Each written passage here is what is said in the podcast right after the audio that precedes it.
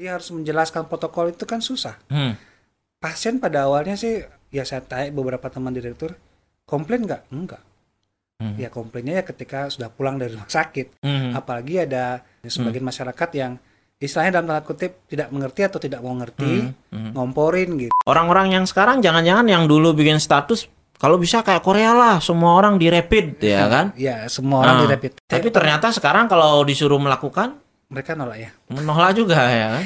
Oh ini ya dokter hebat gitu. Hmm. Eh, kenapa ya belakangan hari ini Diglorifikasi ya kan? Iya, di- Kurang lebih di apa tuh Februari Maret tuh lah Februari, ya. awal-awal pandemi ini kan? Hmm. Tapi setelah itu kenapa kita eh, dihujat dan lain sebagainya? Nah, Paling sederhana. Jadi sebenarnya menurut dokternya ya kan sebenarnya lebih untung mana ketika pandemi ini atau ketika sebelum ada pandemi? Halo my friend, nah ketemu lagi ya bareng saya uh, Gesterai. Itu kita di podcast gitu aja. Nah kalau ada yang nanya, ini acara apa? Apa sih sebenarnya gitu? Jadi acaranya adalah gitu aja. Kita mengundang orang-orang yang saya uh, pikir layak untuk diundang ya menyikapi situasi atau kondisi yang sekarang. Kalau kemarin ada beberapa tamu ya yang penuh kontroversi, saya berharap justru ini bisa meredakan kontroversi. Seperti kita tahu kita sudah hampir berapa ya? Empat bulan ya, lima bulan berada dalam situasi pandemi ya. Kita juga ingat bagaimana di awal-awal wah, masyarakat mengagung-agungkan bagaimana tenaga medis menjadi garda terdepan, bahkan ada videonya, ada fotonya. Yang sebenarnya belum tentu juga ternyata tenaga medis kehendaki. Tapi belakangan ini justru terbalik ya. Justru banyak uh, hujatan uh, apa namanya? banyak uh, seperti menyalahkan ya kan tenaga medis di mana itu bertentangan dengan produktivitas. Nah, kita ingin menghadirkan hari ini kita ada Dr. Widiase ya. MPH ya, Beli? ya MPH beliau berdinas di Rumah Sakit Mata Bali Mandara betul, ya. betul. Dan saya undang selaku ketua ID Denpasar elected ya, terpilih ya. Ya. Jadi beliau hadir di sini dan kita nanti akan tanya-tanya ya. Jadi temanya adalah mengupas fakta dokter dan uh, di masa pandemi ya. Jadi banyak orang yang berpikir A, B, C sampai Z. Nah, yang mana sebetulnya yang fakta? Nah, itu yang kita perlu uh, jembatani ya. Jadi my friends kita santai aja, kita nggak perlu serius. Dunia ini udah cukup serius ya. Saya pikir Dr. Widiasa juga lagi kalau lagi dinas serius banget ya. Jadi satu jam kita relax lah ngobrol-ngobrol ya. ya. Gimana kabarnya Dr. Widiasa? Baik Jung, baik sehat sehat selalu. Mudah-mudahan selalu sehat dan waras ya. Ya, wah, mantap jiwa raga, Mantap jiwa gitu raga, dong. mantap ya jiwa kan? raga betul. Ya, ya, ya. Tapi gimana Rumah Sakit Bali Mandara? Rumah sakit mata, Ya, rumah sakit mata ya. Rumah Karena Bali Mandara lain lagi ya. lagi rumah sakit umum Bali Mata. Hmm. Sampai sejauh ini rumah sakit mata aman, artinya pelayanan masih bisa berjalan Mhm. dengan menerapkan hampir sebagian besar protokol kesehatan yang ditetapkan pemerintah dan juga kita buat aturannya di rumah sakit sendiri.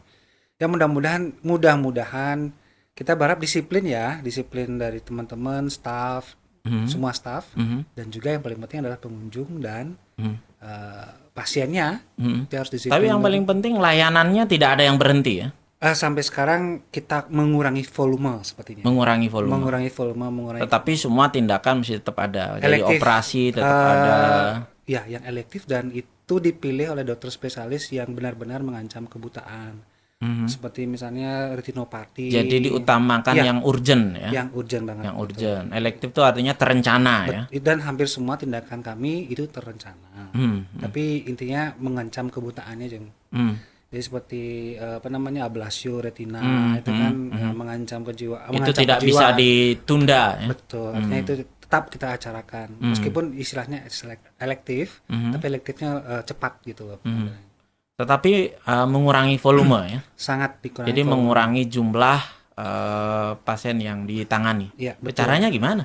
Pelayanan poliklinik kita turunkan. Hmm. Artinya eh, dokter-dokter yang bertugas di poli itu kita eh, on off kan gitu ya. Artinya eh, otomatis jumlah Hmm. kunjungan pasti Atau harinya dikurangi atau Tidak, waktunya? kita tetap 6 jam eh 6 jam, 6 hari kerja. Ah, enam hari kerja tetap dari jam setengah delapan sampai jam setengah dua Hmm. siang, Mhm. tapi tutup loketnya lebih awal. Mhm. Kemudian jumlah dokter jaganya kita kurangi dan announce ke pasien kita Hmm. bahwa Hanya datang kalau ada yang urgent gitu. betul satu, kedua juga yang eh, yang memang benar-benar eh, membutuhkan ini, Hmm. membutuhkan pertolongan segera. Tapi trennya gimana? Yang datang selama ini pasiennya memang menurun ya, drastis turunnya, drastis. menurun. sangat drastis. Itu artinya masyarakat sehat-sehat aja selama pandemi Saat- atau gimana? Sepertinya yang membutuhkan pelayanan mata masih menunda ya satu mungkin, yang kedua Menahan-nahan ya kan? menahan. Menahan. Jadi sebenarnya sakitnya udah di situ gitu, tapi Me- ditahan dulu nih. Hmm. Ya, menunda pergi ke dokter. Kedua memang eh masih khawatir ya Hmm. pergi ke dokter rumah sakit ya. Hmm, hmm, Pagi semua hampir semua rumah sakit sekarang dibilang hmm. eh, ataupun ini dia ada COVID-nya gitu. Nah ini menarik ya. Jadi orang khawatir ke rumah sakit. Yes. Padahal klasternya yang banyak di Denpasar ya klaster pasar ya. Betul. Ya. Pas, pasar ya, pasar kan yang Sebelah ya, banyak ya, pasar apa pasar apa gitu kan klaster rumah sakit belum lah belum mudah-mudahan tidak ada ya kita temui ya Mudah-mudahan tidak ada. ya ya kemudian di sore hari ini dokter Widiase secara pribadi kan praktek eh, swasta ya Bri? Praktek sore. Ya, praktek sore bukan swasta ya Praktek dokter perorangan. Perorangan bekerja sama Dokter dengan praktek perorangan bekerja sama dengan tit. BPJS boleh lah disebutkan ah BPJS lembaga negara ya Oh, kan lembaga negara, lembaga negara boleh kita sebutkan Iya, iya. Ya, mungkin ada yang dokter keluarganya nih dokter Widiase ya kan? Iya. Ah, beliau praktek di Ubung ya, Ya, kan? depan terminal Ubung. Jadi kalau yang wilayah di situ biasanya dokter eh, keluarganya Iya. atau dokter apa fa- fasilitas tingkat pertama ya, ya. vaskes primernya. Ya. Hmm. Itu bisa jadi dokter Widiase nih. Terus kalau di praktek sore gimana? Eh, praktek sore juga kita mengurangi jam pelayanan. Hmm, Jadi eh, memang diperbolehkan. Mhm. Kita lebih banyak bisa menerima konsultasi via telemedicine ceritanya. Hmm. Meskipun tidak tidak secara Jadi lewat telemedicine. video gitu. Video bisa, WA Hmm. bisa dan bahkan BPJS pun sudah mengembangkan layanan yang telemedicine konsultasi by aplikasi. Ada ya? Ada. Oh, bagus. Itu Ada. saya baru tahu. Ada. BPJS justru membuka apa telemedicine. Telemedi- memulai telemedicine lebih awal sebenarnya. Aha. Cuman ya seperti biasa pemanfaatan oleh masyarakat yang belum begitu Belum banyak ya? bagus. Nah, Oh, oke. satu kurang familiar dengan gadget ya, mungkin nggak semua ya. Ah. Eh, kemudian yang kedua kita perlu melakukan sounding lebih lebih sosialisasi lebih. Ah, iya termasuk saya juga nggak tahu nih. Ya, Ya kan? nanti Saya juga pemegang kartu BPJS. Wah, tapi nggak tahu nih. ada Oh, JKN mobile-nya ada. Ada ya? Ada. Oke. Di JKN mobile ada fasilitas untuk konsultasi via ke Jadi itu dokter. pun juga bisa diklaim ya.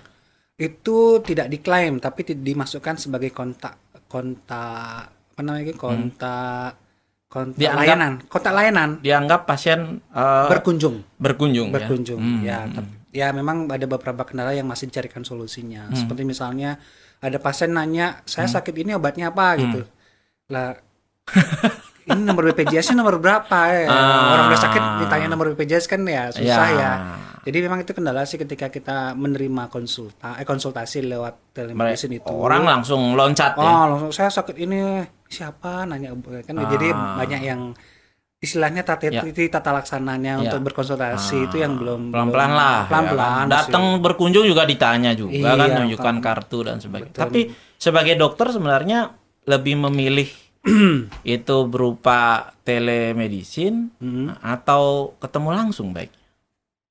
Saya mungkin produk dok- dokter produk lama ya jadi Hmm. masih berpikir bagaimana menye- eh, me- memberikan terapi ke pasien dengan ketemu langsung Hmm, Belum- beda belum- ya rasanya ya. belum bisa ya jadi sahnya orang Bali bilang sahnya itu belum ketemu kan Hmm, gitu hmm. jadi kalau saya sih ber- berpikir lebih bagus eh, ketemu ketemu langsung. tanya dulu apa namanya pemeriksaan fisik kan tidak bisa tergantikan gitu kalau Hmm. saya sih Hmm, kalau saya hmm, pribadi hmm. tapi kalau kita eh, eh, terapi by symptom by keluhan ya bisa aja sih dari terapinya juga terapi yang Hmm. apa namanya terapi yang simptomatik aja yang kita Hmm. bisa berikan kan Hmm. gitu Iya, banyak pemeriksaan yang tidak bisa tergantikan. Dengan Padahal sebenarnya kalau dari segi keamanan sebenarnya eh, gimana? Wah, bagus ya saat ini iya sih Ya, Resiko ke dokter sebenarnya resiko ke tenaga kesehatan lebih tinggi. Ya. Tapi ya di masa pandemi ini ya kita memang harus berpikir Hmm. safety pasien, safety ke tenaga kesehatan. Ya ini kadang-kadang unik ya. eh, kalau saya bertanya ya. Dari Ya. sisi keamanan kadang-kadang lebih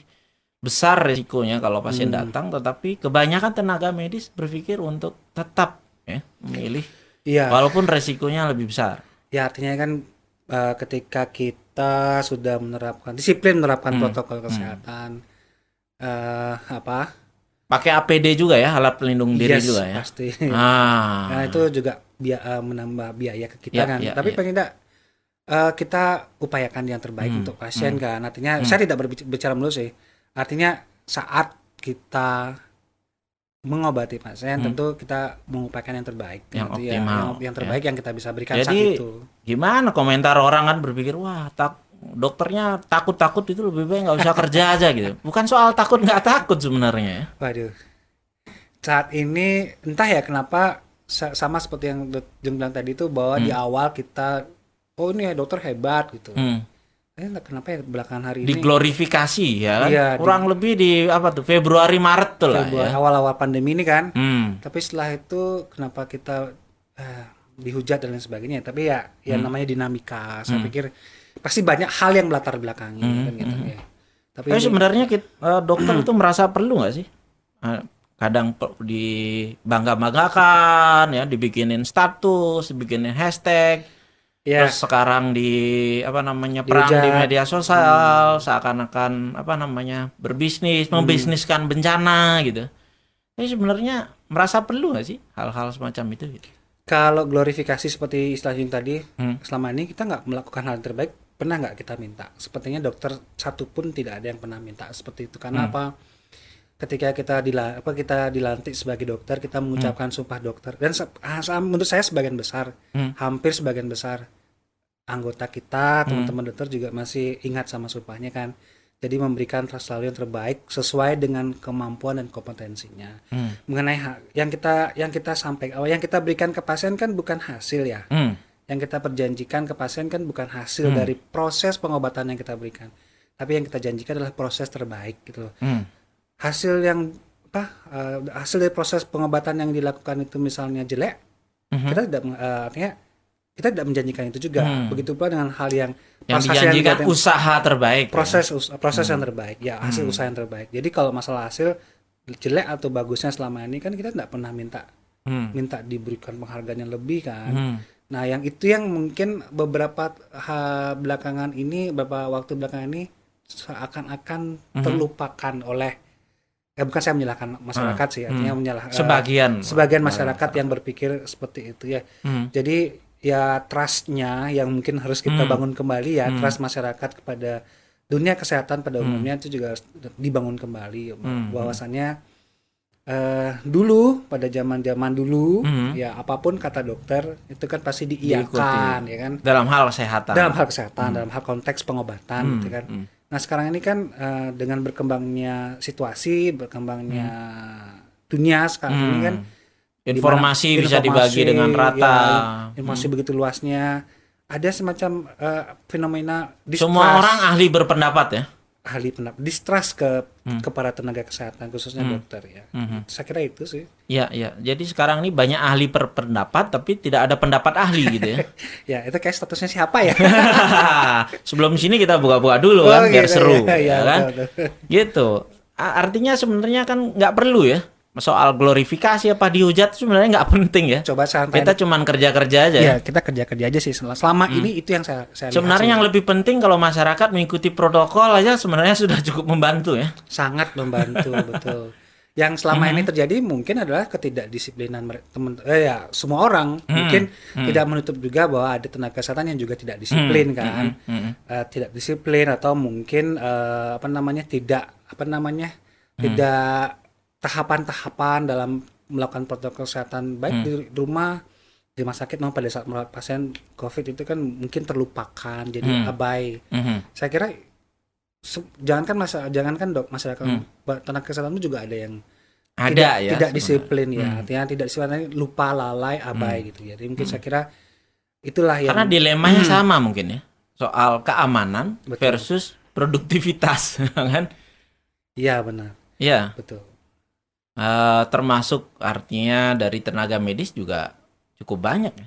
Jangan-jangan korban dari tenaga medis artinya kalau dikelompokkan ada orang yang bisa mengelompokkan berdasarkan profesi Hmm.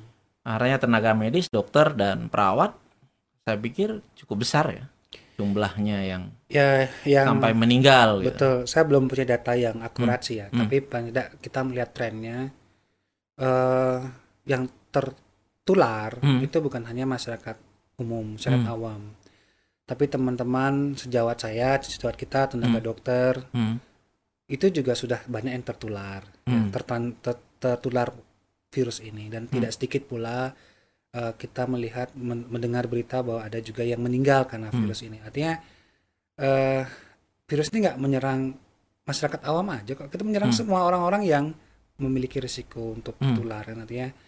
Jadi Dan yang terakhir senior kita ya. ya salah seorang pengurus dari ID cabang Denpasar, Hmm. almarhum Dr. Nyaman Suteja, beliau adalah anggota MKEK ID cabang Hmm. Denpasar juga berpulang gitu. de- oleh karena virus ini. Terkonfirmasi seperti Hmm, itu. hmm. Iya, iya. Dan per hari ini juga saya dapat kabar-kabar juga dari teman-teman beberapa dokter umum, kalau nggak salah ya, itu juga mengalami yang masih muda ya, Mm-mm. malah lebih muda daripada saya tanpa penyakit penyerta juga mengalami gejala yang cukup berat ya, Mm-mm. Nah, infeksi paru berat. eh, mudah-mudahan tidak sampai perlu ventilator. Nah, artinya ini memberikan pandangan yang cukup berbeda ya kan. Hari-hari terakhir ini kita diyakinkan bahwa tidak ada yang meninggal karena Corona. tanpa ya karena corona murni. Padahal sebenarnya kalau saya pikir-pikir juga ya, walaupun ini bukan bidang saya, tidak ada juga orang meninggal karena HIV ya. Betul. ya, Betul kan? betul. Jadi Aha. eh, di mungkin saya eh, apa ya? Tapi banyak yang meninggal terkait HIV Betul. ya. Hi- HIV Meninggalnya gimana? HIV bukan karena HIV-nya kan, Hmm, meninggalnya karena penyakit yang lain. hmm, Jadi intinya kalau saya melihat eh, mungkin ada yang perlu diperbaiki dari strategi komunikasi ya menurut hmm, saya. hmm. Jadi konten informasi mengenai COVID ini sendiri sebenarnya kita harus benar-benar satu paham gitu, Hmm. satu-satu paham dengan semua stakeholder gitu, Hmm, dokter, eh, pemerintah, hmm. dan juga eh, ya semua pihak lah yang berkaitan Semua dengan satu kata lah ya. ya karena saya yakin karena ini adalah eh, bencana baru, Hmm, musuh baru hmm, dan begitu cepatnya dia berreplikasi, Hmm. ber apa istilahnya berduplikat, ah macam-macam lah gitu Iya, lah. iya. Berkembang lah berkembang ya. ya, istilahnya. Kemampuannya ini Iya. musuh baru, senjatanya berubah-ubah ya kan, kemampuannya berubah-ubah, Iya. jumlahnya juga berubah-ubah. Dan kita ta- lihat tampilan klinisnya juga kata teman-teman saya saya nggak Hmm. pernah merawat Hmm. sih ya. Itu tampilan klinisnya kan memang beda-beda gitu Hmm. ya. Jadi tidak hanya yang di jalur saluran nafas, Hmm, ada katanya yang dari diare. Ini katanya karena Hmm. saya tidak merawat. Tapi Hmm. intinya sih eh, pesannya adalah ketika eh, kita menghadapi bencana baru, Hmm. musuh baru yang kita sebut namanya COVID-19 ini, kita sebenarnya harus berani juga bilang bahwa strategi komunikasi dan konten informasinya itu harus sama. hmm, Kalaupun dia dinamis isinya, tapi paling tadi tapi Hmm. tidak kita tuh harus selalu update lah Hmm, gitu. Up- hmm. Siapa kita? Ya kita itu adalah yang memberikan informasi, Hmm. eh, yang menyebarluaskan informasi itu harus sama, hmm. sepaham. Karena kadang-kadang masyarakat itu mengadu kita gitu. Mengadu Hmm. kita tuh siapa? Ya kita dokter Hmm. dengan pemerintah dan lain sebagainya. Hmm. Ini menurut ini kok gini, menurut ini jadi nggak satu paham. Termasuk juga Mhm. eh, informasi mengenai meninggalnya apa apa namanya COVID hanya membunuh pasien yang memiliki komorbid Hmm. atau penyakit penyerta. Eh, punya sakit yang Punya berat sakit yang lain, sebelumnya, ya, usia lanjut, ya. ya kan? Ya artinya yang saat ini terbukti bahwa ada beberapa Hmm. yang tanpa penyakit penyerta. Itu Hmm. kan artinya ya pesan poinnya adalah ini Hmm. masih ini bahaya gitu. Hmm. Dan eh, sense of bahaya ini yang harus Perlu ya. perlu ditingkatkan. Kalau kita lihat sih Jadi sebenarnya aneh juga kalau kita ngamati ya kan. Di fe- Awal-awal ya, Maret ya, pasti Februari takut gitu ya. Maret ya kalau Oh. nggak salah. ya Itu kasus sedikit eh, ketakutan tinggi ya. tapi ketakutan tinggi. Kalau sekarang kasus banyak, ketakutan Menurun. sangat kecil. ya. Ya Kenapa kan? ya? Nah, itu unik juga ini. Ya. Dulu di awal-awal Bahkan uh, Hmm. kebanyakan orang berpikir, masyarakat tuh berpikir virus ini adalah virus COVID-19 ini adalah hoax Hmm. abad ini. Mm-mm. Saya nggak paham tuh Hmm. maksudnya. Ini hoax apa virusnya tidak ada atau virusnya ada tapi tidak berbahaya atau gimana gitu. Eh, Kalau tidak berbahaya rasanya tidak akan membuat banyak orang pusing ya. iya betul. Kalau hoax, saya apa ya? Saya melihat sendiri banyak banyak banyak banyak pasien yang eh, harus saya ada beberapa sih yang ketemu gejala. Hmm. Jadi pasien praktek pribadi sih ya. Hmm. Eh, ketemu gejala dan itu pun datang ke praktek ketika gejalanya sudah misalnya gejala batuk pilek demam Hmm. yang dulu mungkin kita anggap biasa Hmm. ya kan tapi eh, karena ketakutan si pasien untuk datang berobat jadi dia akhirnya self medication jadi mengobati Hmm, sendiri, sendiri. Hmm. beli obat sendiri beli eh, obat-obat sendiri sampai masuk ke hari kesekian gitu Hmm. dengan menunjukkan gejala hampir mirip dengan Hmm. dengan ge- gejala Gejala PDP infeksi paru. ya Hmm. artinya padahal dia tidak masih muda Hmm. masih muda ya muda lah gitu Hmm. artinya saya nggak berpikir dia ada penyakit penyerta dan lain Hmm. sebagainya nah artinya ketika itu terjadi kita rujuk ke rumah sakit apa yang dilakukan pasien pertama kali Hmm. saya nggak mau ke rumah sakit Hmm. kenapa saya nanti pasti akan diisolasi saya akan di Minimal dites, rapid, kalau positif diisolasi Ya, dua minggu, ya. gimana kerjaan saya gitu ya biasanya. itulah yang Hmm. terjadi Hmm. ya artinya eh, hoax ini berita hoax apa namanya eh, ada yang menganggap ini hoax ini adalah inilah yang mengakibatkan mungkin mungkin ya Jung ya Hmm. Peningkatan kasusnya gitu Hmm. ya kan ketika awal-awal seharusnya bisa di Hmm. diseleksi lebih awal diisolasi lebih awal dia tidak menularkan ke, ke anggota keluarganya Hmm. yang lain kan Mhm. artinya eh, eh pasiennya ini saya konfirmasi belum belum confirm ya Hmm. karena saya belum sempat Hmm. follow up lagi Tapi kalau itu ternyata positif, ngeri juga ya. ngeri juga saya juga ketemu dia meskipun ketika duduk sakit Ah. apa batuk pilek sudah diam ya saya kasih obat aja Iya, iya. ya paling nggak minimal kita sudah tidak menyentuh dan lain sebagainya tapi Ah. ya risiko itu ada di kita Iya. risiko itu ada lah. di perawat saya juga risiko Hmm. ada di dokter dan risiko juga ada di pengunjung praktek saya yang Hmm. ada satu ruangan Hmm. dengan dia kan gitu Dan itu sebenarnya eh, menjelaskan bahwa sebenarnya virus ini bukan hoax. Buktinya Yes. dokternya saja takut. khawatir Kalau ini konspirasi mestinya dokter-dokter aja yang tidak perlu takut kan. ya dari dokter-dokter harusnya senang ya kalau Hmm. memang ini katanya hoax Di luar soal dari mana sumber virusnya, Hmm. awalnya dan sebagainya itu di luar pengetahuan kita. Tapi Ya. nyatanya virus ini ada Mhm. dan menyebabkan ya kan gangguan ya kesehatan dan mudah menular pada banyak orang ya kan. Ya syukur-syukur kalau ternyata penanganannya bisa uh, baik, Hmm. rumah sakit tidak penuh ya kan. Minimal seperti Surabaya itu kan menakutkan juga ya. ya betul Eh, saya nggak tahu nih hoaxnya kita mesti berantas dari mana eh, apa cerita tentang virus hoax nih Bahwa virus ini virus adalah hoax hoax, adalah- abad ini itu dari mana kita memulai ceritanya ya saya jadi Hmm. berangan-angan berandai-andai gitu Ya. apakah kita ajak oh tapi kalau kita ajak mereka nanti kita diajak menantang ya ah, kan banyak tantang menantang. Kita di dalam podcast ini tidak dalam tantang menantang. enggak Ah, tapi kalau ada yang mau menyumbangkan ide juga boleh minta wawancara juga sini kan nggak ada masalah ya kan. Kalau Iya. menurut saya sebenarnya ya, Hmm. saya sih lebih takut berada di pasar di masyarakat gitu daripada dokter daripada ah, harus misalnya ke ruang isolasi.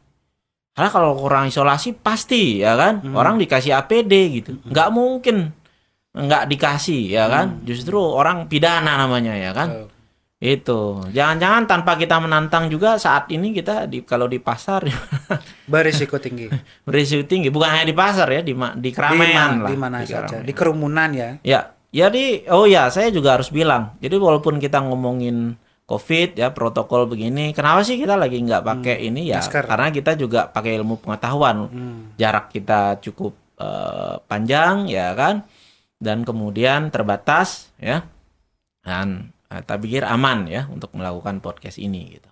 Tapi saya mau mau fokus ya, maksudnya gini.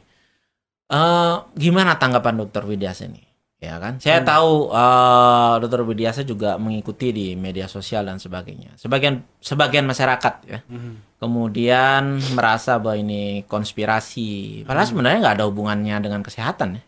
Maksudnya yang di- dituduh membuat konspirasi ternyata pihak lain tuh, bukan ke- orang kesehatan. Iya. Ya kan? Lalu kenapa orang kesehatan yang disudutkan? Ya Hmm. kan?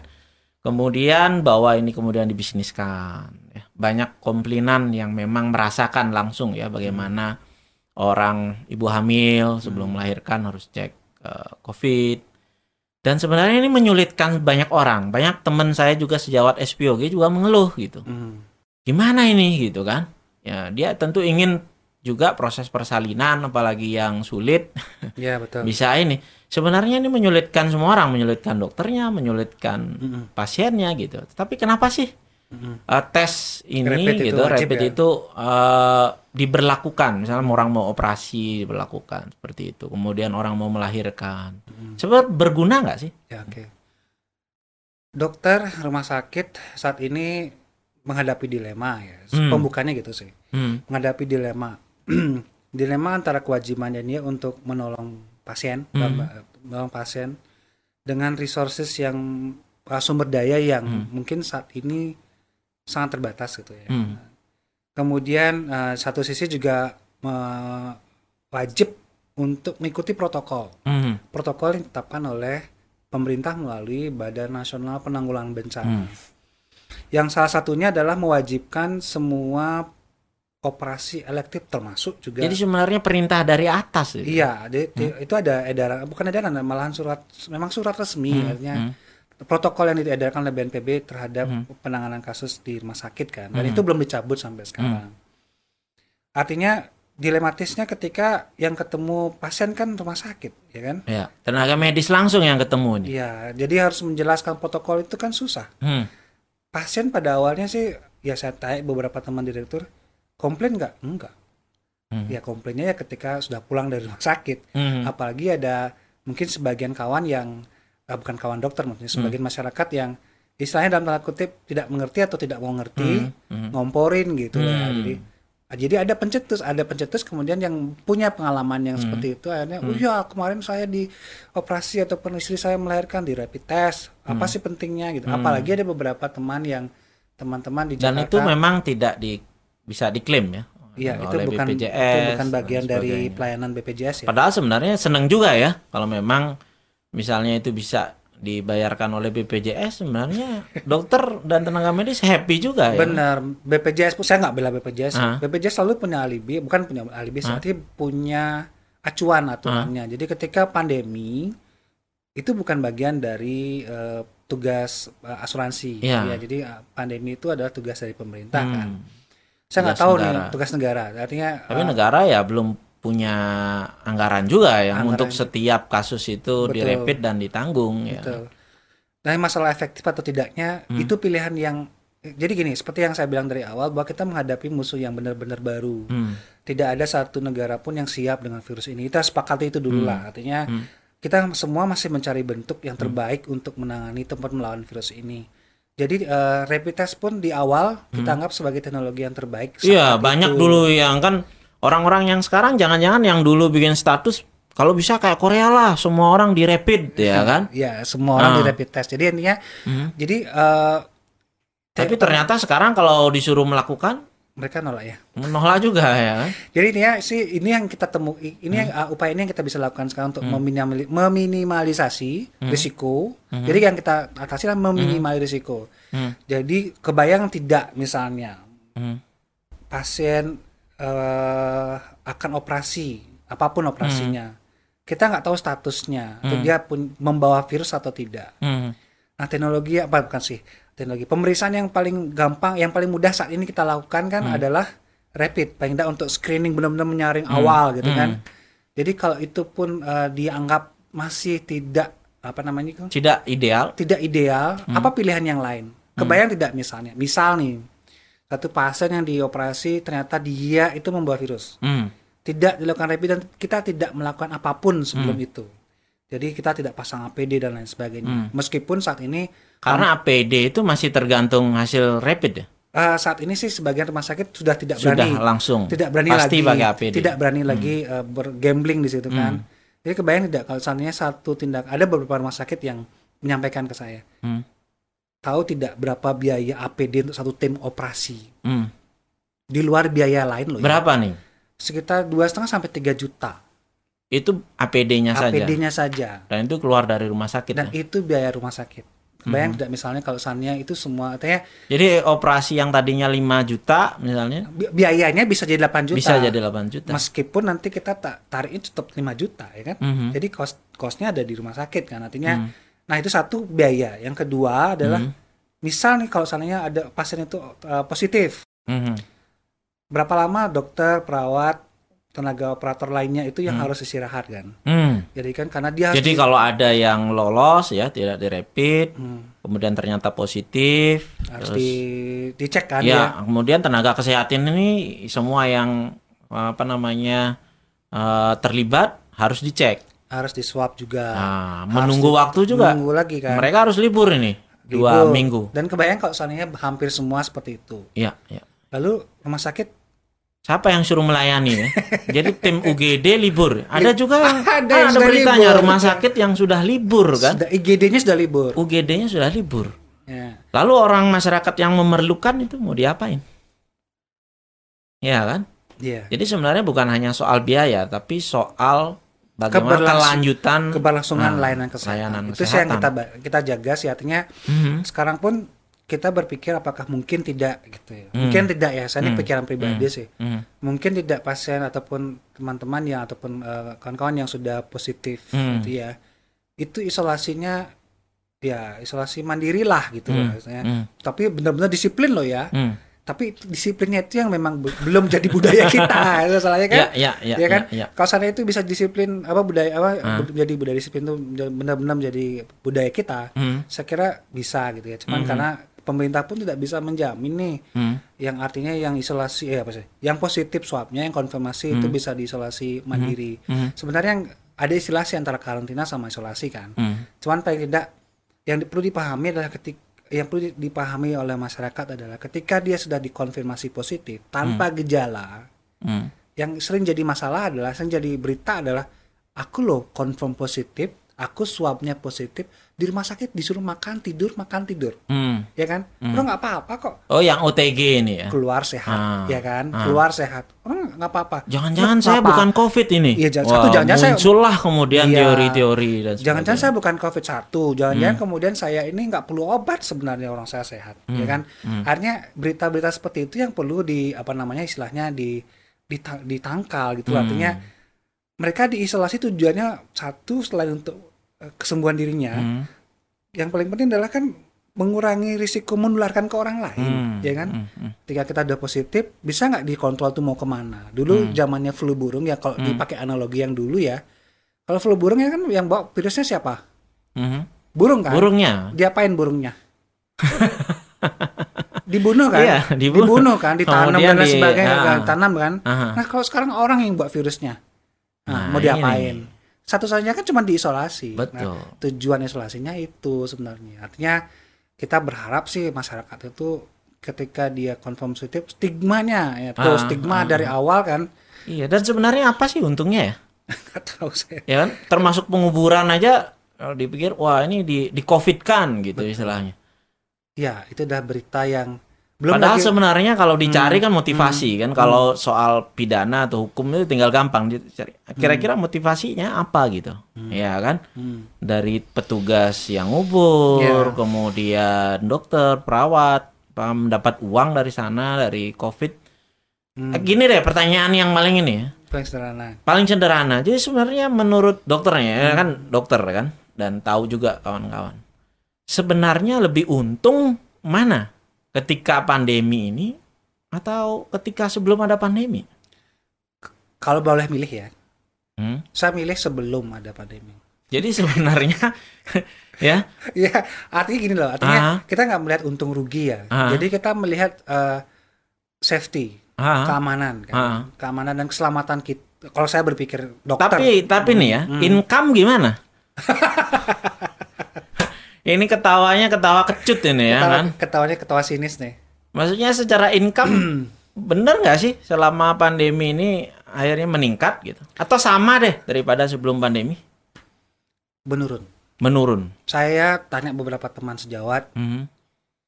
Kerjaannya nambah, sat- satu, Hmm. kedua, income-nya menurun. ya, Ya kan kita nggak usah munafik lah ada kan. tiga. Kita semua Ada pekerjaan tiga. kan memang. Ada tiga. Ada Hmm. satu ada lagi satu. Apa lagi? Risiko matinya tinggi.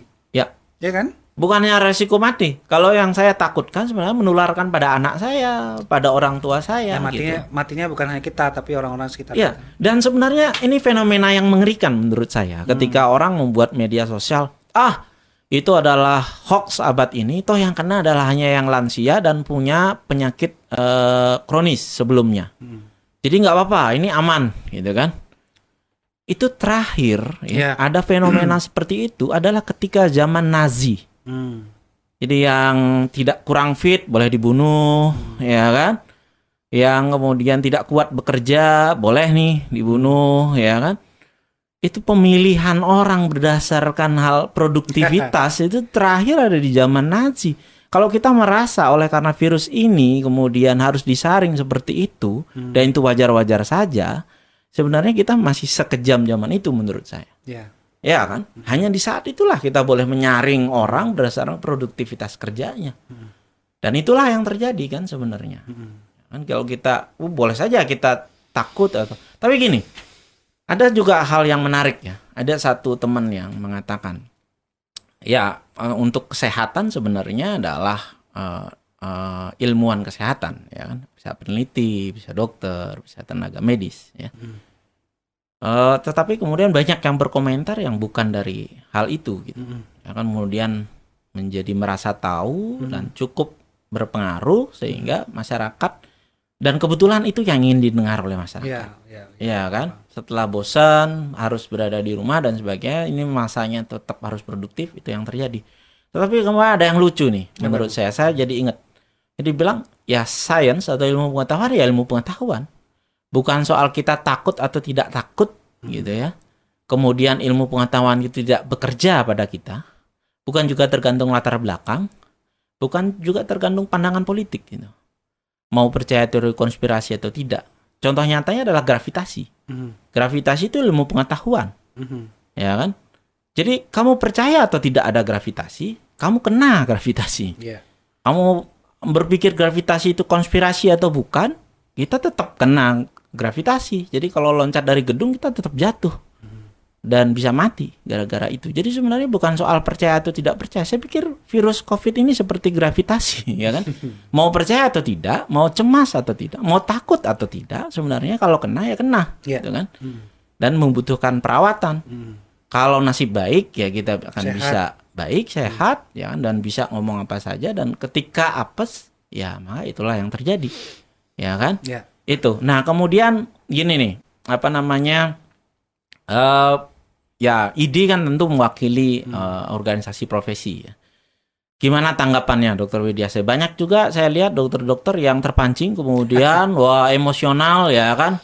Jadi serat-serutnya ya kan. Wah, ini wah ikut melawan, wah berdebat nih sama masyarakat dan sebagainya ya kan. Hmm. Gimana Dokter Widiase ya kan dari ID Denpasar melihat fenomena ini?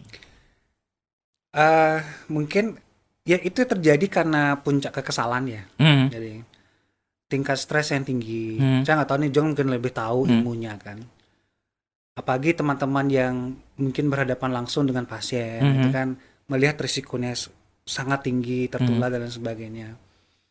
Eh, kemudian dihadapkan kepada komen-komen ataupun eh, pendapat-pendapat Mhm. dari masyarakat awam yang seolah-olah meragukan. Hmm. Jadi kan saya kira masih menurut saya pribadi masih masih wajar ketika ada teman sejawat yang menanggapi gitu ya. Hmm. Ya mungkin eh, yang kita perlu jaga adalah apa ya istilahnya kita masih terikat sekali dengan apa sumpah ya, sumpah Hmm. kedokteran ya.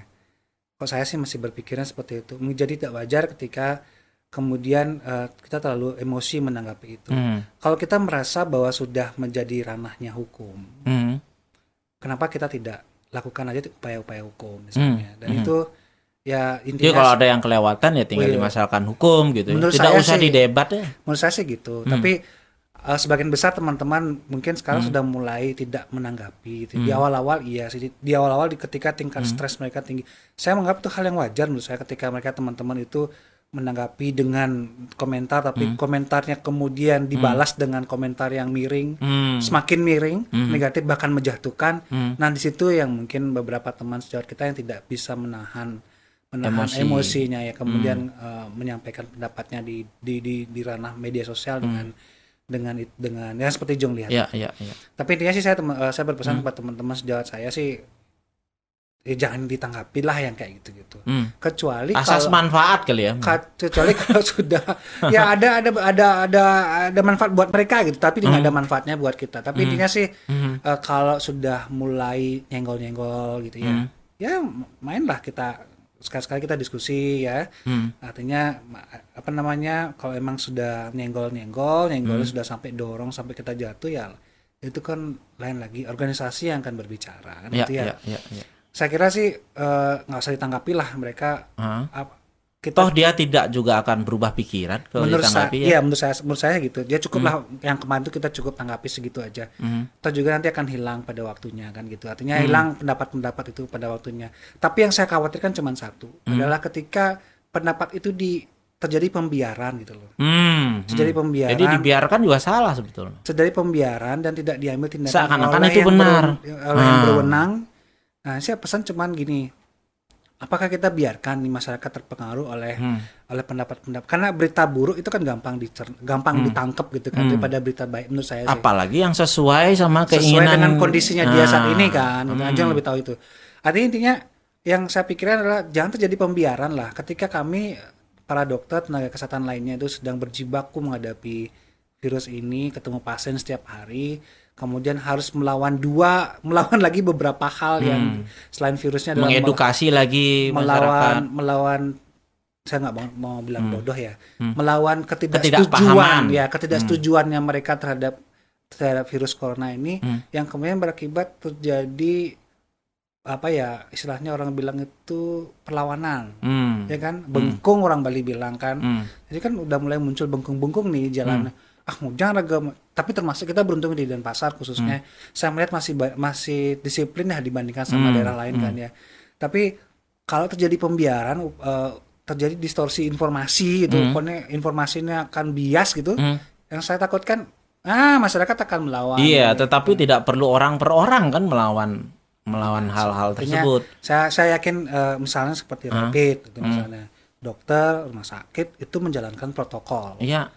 Kita tergantung perintah aja ya. Ya, Suruh sebaik- lakukan rapid, rapid. Kalau enggak, ya enggak. Ya gitu. sebaiknya pemerintah lah yang dilawan gitu. Hmm. Jangan dokternya, apalagi sampai ngata-ngatain ikatan dokter Indonesia.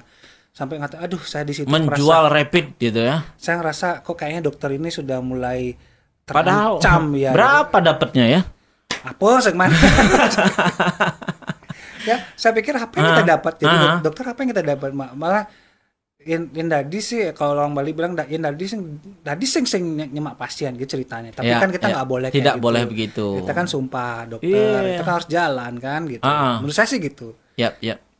Eh, nah, ini kita harus menjawab juga kan mumpung ini dari ID.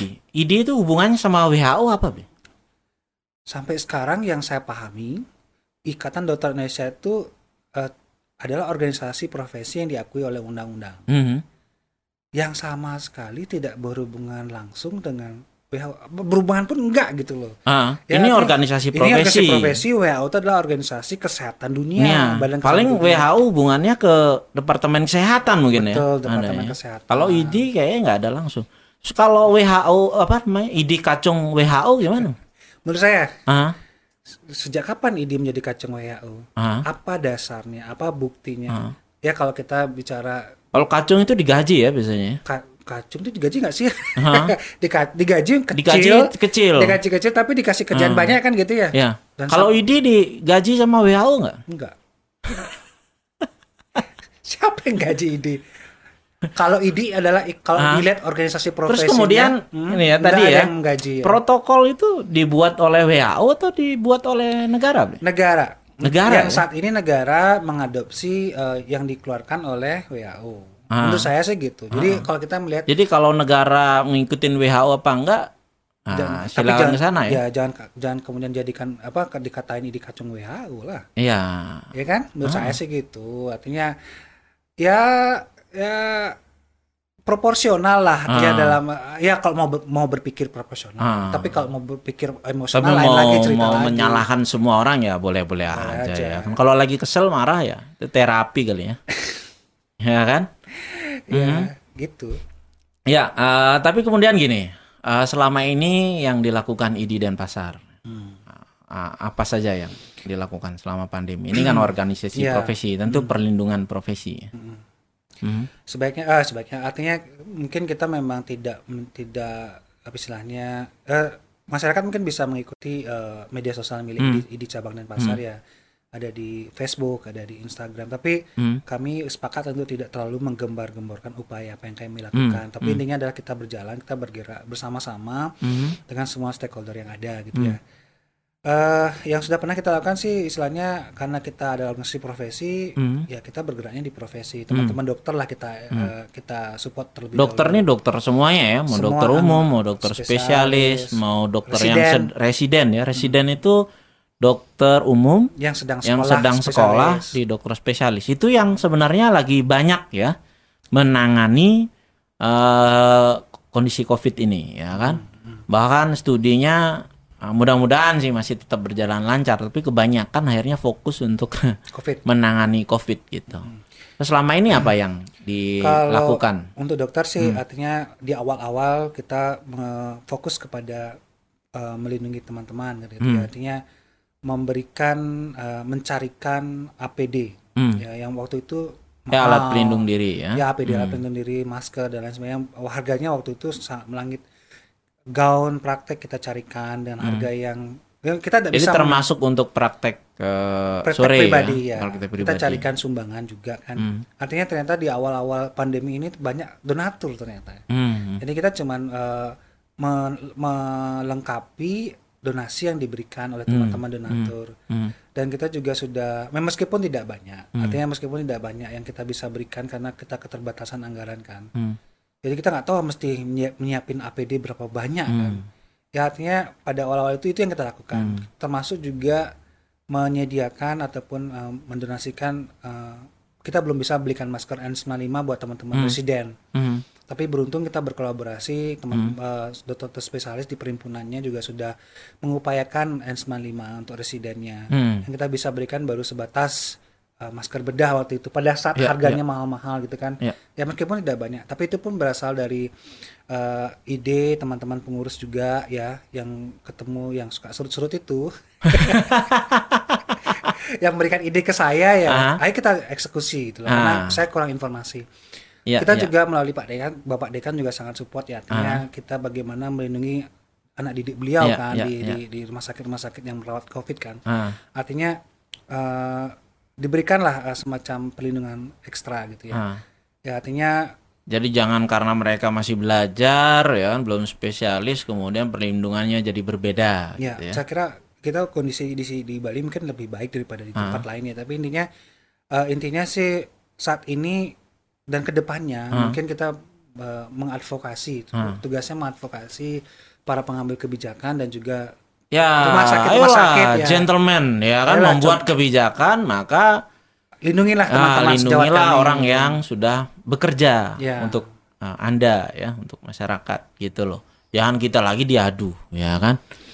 Nah, udah kerja disuruh debat lagi. Ya itu artinya jangan kami dihadapkan pada beberapa musuh bersamaan selain COVID gitu loh. Hmm. Satu kita menghadapi COVID, kita menangani pasien-pasien COVID, teman-teman dokter ya. Hmm. Kemudian kedua kita harus menghadapi ketidak mau ketidakmengertian atau mungkin tidak pahaman atau ketidaksetujuan Hmm, masyarakat ya. opini masyarakat yang Iya. kadang-kadang eh, tidak Kita, benar. kita sudah lelah, dokter sudah lelah bener, hampir besar. dugaan-dugaan buruk ya Betul. kan dugaan-dugaan buruk belum lagi sebenarnya sama seperti masyarakat ya Hmm. menghadapi himpitan ekonomi, Ekonomi. Itu, itu sama sebenarnya ya kan Ya, ah soal insentif gimana deh ah, banyak juga eh, dokter Widiasa eh, soal insentif insentif katanya eh, tenaga medis ya mendapatkan insentif Ya. jadi ya seneng dong harusnya bekerja dan sebagainya Gimana? saya tertarik sama quote ya teman ya. Hmm. Kalau dokter kerja dapat insentif tuh wajar nggak? wajar dong orang kerja Ya. Orang yang nggak kerja dapat BLT wajar nggak? Ya insentif juga ya BLT Insentif ya. ya. Wajar, Wajar juga kan? orang orang nggak mampu ya kan dapat Iya. insentif. Yang nggak wajar adalah orang-orang yang teriak-teriak ketika temannya dapat insentif gitu. Tapi ngomong-ngomong insentifnya sudah diterima belum? Loh, kalau Baru beritanya saja diterima ya. kalau saya baca itu peraturan Menteri Kesehatan itu terbitnya tanggal 30 Juni ya tentang insentif ya. Ya, saya belum ya, baca ya, detail sih. ya, ya. Nah, Tapi ini berita terakhir kan sampai Pak Presiden juga marah-marah kan karena itu juga belum Salah satu belum poinnya ya, cair belum ya, cair salah ya. satu. Ya, Ya, saya itu dari berita saja. berita, betul. Ya, itu bagus juga, ya kan? Kenapa meributkan orang kerja kemudian dapat insentif? Lah orang yang nggak kerja aja kalau nggak mampu kemudian dapat insentif berupa P- BLT dan sebagainya itu kita tidak ribut. Ya mungkin yang ribut ya hanya yang tidak mendapatkan saja, Hmm. ya kan? Dan sebagainya. Tapi oke lah, mari kita apa namanya menjadi kreatif ya kan. Hmm. Jadi sebenarnya tanpa perlu menyalahkan siapa-siapa, ya kan. Hmm. Tapi kalau menyalahkan dokter itu membuat diri kita cukup bahagia, ya, cukup meningkatkan kualitas hidup juga nggak apa-apa, ya. Hmm. Kebetulan saya juga dokter, jadi kalau menurut saya yakin nih kalau nyala-nyalain dokter jadi merasa lebih Lebih bahagia, senang ya. lebih nyaman, ya kan. Tiba-tiba pendapatan jadi meningkat, silahkan. Tapi kalau nggak, apa-apa juga, ya kan. Buat saya seperti itu. Nah, tetapi ini adalah suatu profesi ya dokter. Saya pikir tidak ada profesi di mana pun, ya kan. Termasuk ah, ini guyon dikit ya. Hmm. Pemulung aja tidak mau juga direndahkan, Betul. ya kan. Jadi sign di perumahan-perumahan sudah diganti. Hmm. Pemulung dilarang masuk. Terus kan diganti jadi apa? Iya, bahaya itu. Pemulung dilarang masuk kan artinya tidak mendapatkan akses pendidikan. Tidak boleh masuk katanya. ya kan? Iya, gitu. iya sih. Ya, akhirnya jadi karma pala sekarang. Semua anak-anak kita tidak masuk. Libur oleh karena pandemi. jadi bukan hanya pemulung saja gitu. Eh kembali ke insentif satu mungkin. Ya, ya, ya gimana gimana? Eh, insentif itu sebenarnya kan eh, kalau kita lihat baca Permenkesnya Hmm. tidak semua yang ada, tidak semua ada. Tidak semua dokter sebenarnya dapat. Ya. Betul. Hmm? Kemudian yang kedua adalah insentif itu diberikan berdasarkan data, ya kan? Hmm. data yang sebelumnya ada proses penjenjangan data, jadi ada pengajuan dan lain sebagainya. Jadi kalau masyarakat berpikir bahwa semua dokter itu dapat insentif, Hmm. itu ya mungkin kita perlu klarifikasi. dokter praktek swasta kayak saya nggak dapet, Ah, ya kan? Dokter, negara jelas nggak bisa lah Iya, dokter kayak. Gung Rai, psikiater dapat nggak? Nggak, Nggak, dapat. Iya. Jadi nggak ada dok, semua tidak ada istilah termin terminologi bahwa semua dokter dapat insentif di era pandemi ini. Ah. Sekali lagi seperti menyambung pertanyaan Gung Rai tadi, sebenarnya kalau dokter itu boleh milih ya, mendingan nggak ada pandemi dan Nyari kerjaan. ya sih ya kan. Sekali Ah. lagi ya kalau bi- bilang eh, pendapatan menurun nggak Hmm. drastis nurunnya, Hmm. ya kan. Berapa berapa sih tindakan operasi yang dilakukan di rumah sakit sekarang? Pasti turun. Berapa banyak sih pasien yang datang ke rumah sakit turun drastis? Hmm. Hampir semua rumah sakit mengalami hal yang sama. Kebayang enggak kalau masyarakat kebayang tidak misalnya kalau pelayanan kesehatan di rumah sakit itu biayanya tinggi. Mungkin teman-teman masyarakat tahu ya biayanya tinggi ya. Menggaji dokter, menggaji perawat, menggaji semua orang yang di situ, biaya operasional yang tinggi, standar Biaya kesehatannya habis ha- stan- pakai. standar ya. kesehatannya yang tinggi kan, mutunya harus terjaga dengan baik kan. Jadi kemudian eh, dihadapkan pada masa-masa di mana tidak ada pasien yang datang ke rumah sakit. Hmm. Yang datang cuman yang benar-benar urgent saja. Hmm. Kebayang enggak berapa kemudian Jadi pendapatannya turun, menurun. pendapatan menurun. Hmm. Ada bahkan rumah sakit swasta itu, Hmm. tapi nggak di Denpasar, nggak di Bali ya, yang sampai emang on off kan karyawannya. Hmm. Akibatnya apa? Jadi nggak hanya hotel ya, rumah sakit juga ada yang kerja sebagian-sebagian. Gajinya turun. Ya benar artinya Hmm. semua terdampak kok. Artinya tidak hanya sektor ekonomi, sektor pariwisata, kesehatan pun terdampak dari Hmm. pandemi ini. Nah, lalu kemudian ada di antara sejawat kami Apalagi ini ya, itu mendapatkan eh, layanan insentif. kesehatan di tempat-tempat pariwisata. Iya, betul. eh, beberapa bulan lagi kalau tidak ada perubahan, kayaknya beberapa Sudah harus tutup. Hmm. harus tutup ya. Artinya artinya cost yang eh, biaya yang tinggi itu dengan menurunnya jumlah kunjungan pasien saya kira jadi beban buat rumah sakit saya kira. Nah, kalau layanan kesehatan mulai shutdown, ya kan tentu kita tidak menginginkan itu Ya, masyarakat juga yang ya, eh, betul. dapat. Ciri-ciri negara sudah mulai kolaps kan cuma ada dua kan. Hmm. Bank bangkrut atau rumah sakit tutup. Nah, itu problemnya di situ. ya kan? Jadi tapi saya sharing aja karena saya psikiater, saya tahu cukup banyak klien saya punya profesi yang beragam sih. Maka jadi sebenarnya pertanyaan soal tenaga medis income-nya menurun atau tidak, pelaku pariwisata income-nya menurun atau tidak, bank atau finance menurun atau tidak, rata-rata menurun. Tapi nggak tahu nanti silahkan mengklarifikasi. Tapi beberapa klien saya yang bekerja di online buat aplikasi, ya Meningkat. kan, ya kan buat aplikasi apalagi itu uh, web developer dan sebagainya ya itu meningkat ya Uh, tapi kalau yang merasa nggak cocok dengan itu, tolong nih info kami. Tapi dari yang saya tahu, ya kan, beberapa yang menyebut bule lokal di Canggu, ya, kalau yang lain saya, itu malah dia harus begadang menambah load kerja karena permintaan cukup banyak. Hmm. Nah itu jelas income-nya meningkat. Jadi kalau misalnya mau bikin teori konspirasi siapa yang paling diuntungkan? Wah teman-teman itu kena repot juga ya. Tetapi tidak, saya yakin tidak demikian. Tapi dari setiap perubahan situasi tentu ada yang mendapatkan peluang, hmm. tapi kemudian ada yang mendapatkan semacam musibah ya kan hmm. dari hal itu. Tidak perlulah kita saling menyalahkan. Mari kita cari ya kan solusinya. Kalau itu soal kebijakan dan sebagainya, ayo ya kan jadi jangan menyalahkan orang yang bekerja melaksanakan Uh, tugas seperti itu, gitu ya. Uh, jadi podcast gitu saja, gitu aja, ya, ya gitu aja, ya, ya kan. Jadi kalau anda mengharapkan ini sang, akan sangat kontroversial, menjawab tuduhan beberapa orang, kemudian hmm. harus No, kita bukan mau mengklarifikasi apa pun, tetapi seseorang berhak mendudukkan fakta-fakta yang benar-benar dialami oleh uh, profesinya, ya kan? Mudah-mudahan semua selalu berharap bahwa pandemi ini segera berakhir, termasuk dokter ter ternyata, ya kan? Ya, jadi terutama dokter-dokter di fasilitas uh, kesehatan tingkat pertama ya. Kalau bisa sebenarnya tiap bulan masyarakat itu 100% sehat ya. Ya, betul. Nah, kalau itu fakta ya. itu fakta. Kalau itu yang terjadi yang bahwa income-nya ya. akan meningkat itu sudah jelas ya kan. Tetapi itu bukan aib loh. Dokter ya. kemudian mempunyai income itu pekerjaan. Oh, seseorang berhak mendapatkan imbalan jasa dari apa yang uh, dia dapatkan. Ya, da dia kerjakan. Nah, itu yang sebenarnya penting buat kita ya. Tetapi marilah kita perbaiki ya kan rasa percaya. Saya pikir juga itu dialami oleh banyak orang ya kan dulu kita juga sempat tidak percaya pada apa ya bank ya kan hmm. ketika 98 hmm. misalnya ya kan kita tidak percaya bahwa ada yang menjamin tabungan kita dan sebagainya itu cerita lama tapi pada akhirnya kita menabung lagi sekarang yeah. ya kan kemudian ya kalau kita nanti sakit kemarin saya kena demam berdarah curhat sedikit ya kan ujung-ujungnya ke rumah sakit juga dicek rapid juga syukurnya negatif ya kan? Non reaktif. Uh, eh, non reaktif, sorry, ya non reaktif. Syukurnya begitu, ya kan? Dan ya tapi tetap perlu penanganan ya kan, mau berdarah. Ternyata di balik COVID ini juga cukup banyak ya penyakit-penyakit yang hmm. juga tidak libur juga gara-gara hmm. COVID, ya kan? Nah itu kita senantiasa berhati-hati. Mudah-mudahan sih pandeminya cepat selesai, hmm. ya kan? Kalau enggak terus terang juga saya punya klinik juga tutup nanti ya hmm, kan? hmm. aku tutup terus ke mana? Ya. ya. kan? Dan sebagainya.